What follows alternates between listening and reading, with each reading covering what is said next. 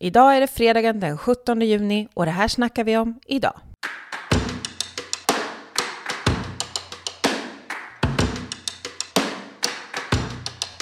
Samhällskollapsen inför sommarsemestrarna slår nya rekord. Alla rubriker signalerar försök inte åka på semester. Flyg i vart fall inte från Arlanda och flytta gärna din semester om du ska resa med tåg. Och detta är bara toppen på marknadskaosberget Sverige. Politiken måste återta kontrollen över viktig infrastruktur från marknaden och lägga våra gemensamma resurser på avgörande samhällsfunktioner där personalen får rimliga villkor. Det är detta vi snackar om idag. I studion finns jag, Anna Herdy. Kökaoset på Arlanda flygplats fortsätter. I morse stängdes trafiken till terminal 5 tillfälligt av för andra dagen i rad. Och nu ska det handla om risken för tågkaos också i sommar. För även tågsemestrarna hotas nu när SJ och andra operatörer larmar om eh, personalbrist. I helgen som gick stängde polisen vägen till terminal 5 på Arlanda. Då hade köerna som uppstått på grund av personalbrist hos företagen som sköter bland annat säkerhetskontrollen och incheckningen vuxit sig så långa att det var fara för ordningen. Det statliga bolaget Swedavia, som driver Arlanda, kallade in polis. För den som med rätta gett upp tanken om flyget, antingen på grund av köerna eller på grund av dess klimatpåverkan, finns tåget. I takt med att klimatmedvetenheten blivit större så har intresset både för inrikes och internationellt tågresande ökat markant i Sverige. Det är bra, men även i tågbranschen är det tyvärr kaos. I veckan gick SJ ut med en uppmaning om att flytta på semestern om man tänkt resa med tåg. Bristen på lokförare och tågvärdar riskerar nämligen att ställa till det i tågtrafiken i sommar. Flytta semestern är ju hur lätt som helst, eller? Så vad handlar det här egentligen om? Varför ska familjer som planerat sina tågtemestrar till Europa uppmanas att lägga om dem?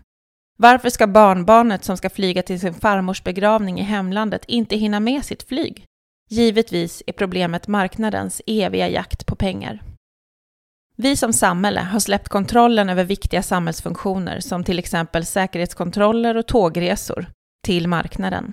Då blir personal och resenärer drabbade när vinsten ska hämtas hem.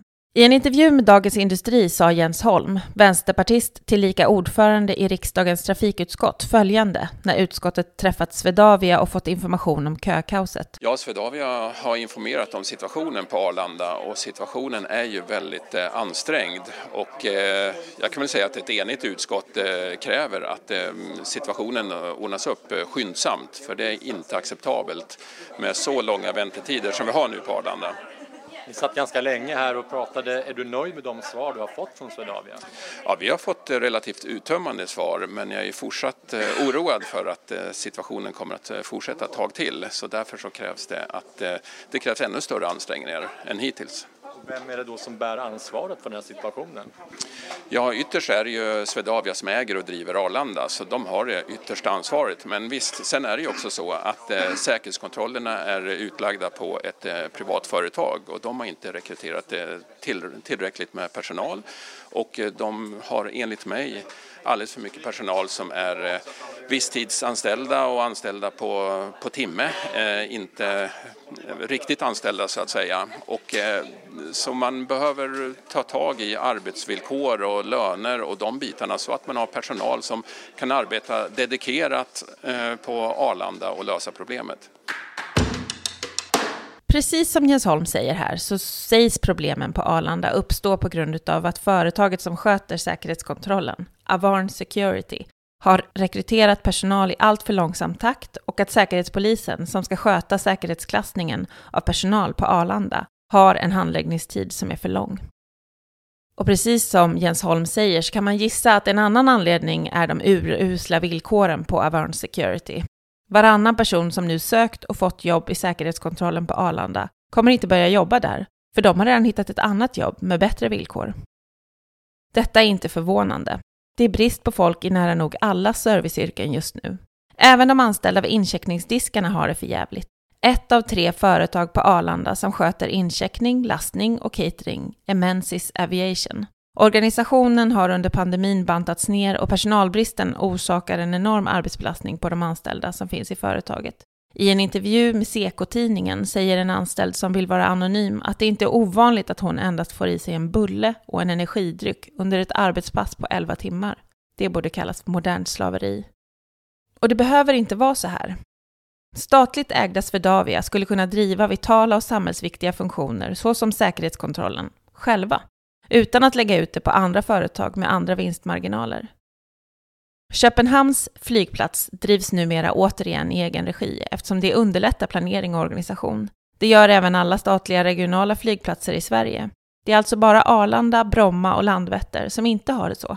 Det får konsekvenser för såväl resenärer som personal. Att lokförare och tågvärdar är för få, har för dåliga scheman och dåligt betalt och dessutom får ta mycket skit från resenärer för spårfel, signalfel, nerrivna kontaktledningar och fordonsfel har inget med pandemin att göra. Men att ett pandemibantat SJ inte har rekryterat tillräckligt med personal efter pandemin är solklart. Detsamma gäller många av de andra tågföretag som vunnit upphandlingar i tågtrafiken. Därför finns det nu en överhängande risk för många inställda avgångar runt om i Sverige under sommaren. Många serviceyrken skriker efter folk och med tuffa arbetstider och stressade scheman så kan det bli svårt att rekrytera ny personal till tågen. Kaoset i och på järnvägen är tyvärr en sorglig och gammal historia. Sverige avreglerade sin järnväg 1995. Det innebär att olika operatörer som kör tåg kan vinna upphandlingar om olika sträckor runt om i Sverige, där de mest trafikerade sträckorna givetvis är de som är mest lönsamma. Just nu är det 24 olika tågoperatörer som verkar på svensk räls. 11 av dem sysslar med persontrafik och 13 med godstrafik. Totalt är det 50 olika tågoperatörer som ska samsas på spåren. Sverige har Europas mest avreglerade system för tågtrafiken. Det viktiga är inte att biljettpriset är lågt eller att personalen har bra villkor. Det viktigaste verkar vara att ha så många aktörer som möjligt på spåren. I enlighet med marknadslogiken ska upphandlingar av spårtrafiken pressa kostnaderna för huvudmannen, som kan vara regionaltrafiken eller staten. Och tanken var nog också att det i någon avlägsen utopi skulle innebära pressade kostnader på biljetterna, alltså pressa kostnaderna för oss som reser. Men när operatörernas budget ska gå ihop är det tågpersonalen som får betala genom ökade krav, osäkra anställningar, sämre arbetsmiljö och arbetsvillkor. Upphandlingarna havererar och det uppstår absurda tävlingar mellan olika företag om vem som kan utföra samhällsservice billigast. Ibland med helt påhittade kalkyler som inte har någon förankring i verkligheten.